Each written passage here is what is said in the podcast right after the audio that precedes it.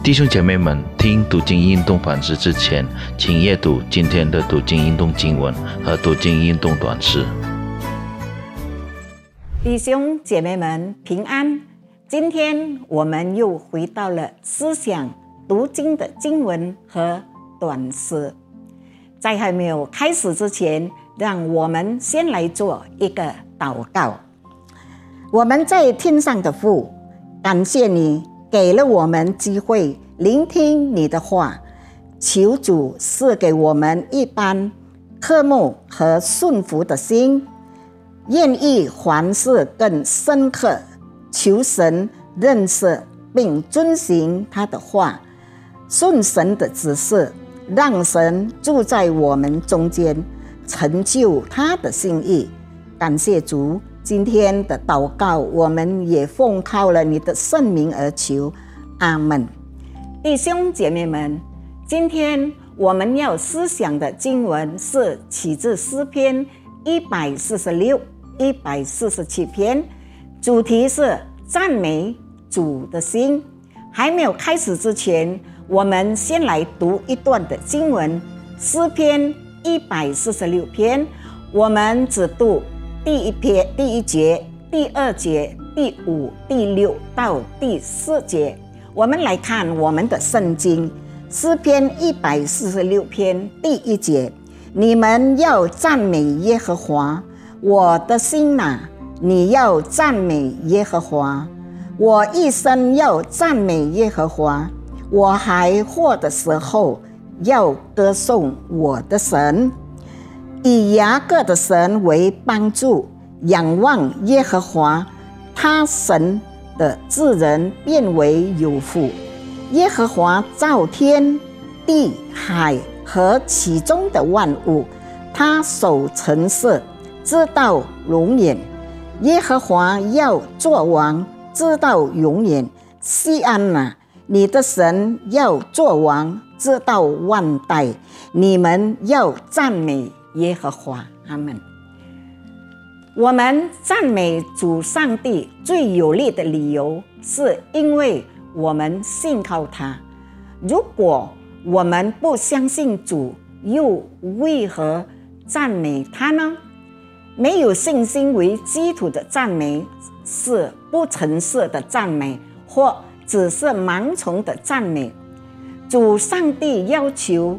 来自充满信心的赞美，这就是为何诗人多次在诗篇中说道：“我的心呐，你要赞美耶和华。”真诚的赞赞美总是来自一颗相信主是希望之的心。今天圣经阅读提醒了我们：当我们面临危险时，主是我们的帮助，他总是帮助我们，因为他是创造天地、海洋和其中万物的主经。他是可信靠的，因为我们以圣经中读到他手的印玺，我们可以相信主，因为他是公正的、慈爱的，关心我们的。主关心他的子民，所以他降临世上，为了使人们摆脱罪恶的束缚，保护受压迫的人，帮助无助的，包括了陌生人、孤儿和寡妇。主做王，他要有钱管理我们的生活，他是伟大。蛮有能力的智慧无话尺度，你相信主吗？真诚的赞美主，必是经历主同在的自然反应。经历主的帮助，也是让我们发出赞美主的动力之一。我们可以对照诗篇一百四十七篇第一和第二节：你们要赞美耶和华。应歌颂我们的神为善为美，赞美的话是合宜的。耶和华建造耶路撒冷，奇迹以色列中被改善的人。我们也赞美主，因为我们经常经历主的安慰，尤其是当我们伤心时，每个信徒都必与主有个特殊的经历，这是因人而异。你能否分享一个你与主有过的特殊经历吗？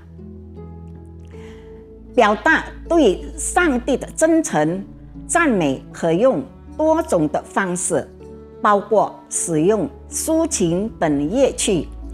乐器的使用是中性的，所有的乐器都可以用来表达对上帝的赞美。然而，有敬拜中使用乐器，应该带来了平安，而不是焦虑。你教会里的乐器能使。住进你内心的平静吗？我们来低头祷告。我们在天上的父上帝，感谢你今天的话语，你让我们知道耶稣来到世上要给人类带来了好处。他来到世间不求名望，而是透过十字架的牺牲拯救罪人。使人们摆脱罪的束缚，保护受压迫的人，帮助无助的人，叫我们凡事多加思考，真诚的赞美主，感谢主。今天的祷告是奉了耶稣基督的圣名而求，阿门。弟兄姐妹们，虽然圣诞节已经过了，但是我也是要。恭祝大家圣诞快乐，新年蒙恩！我们下次见。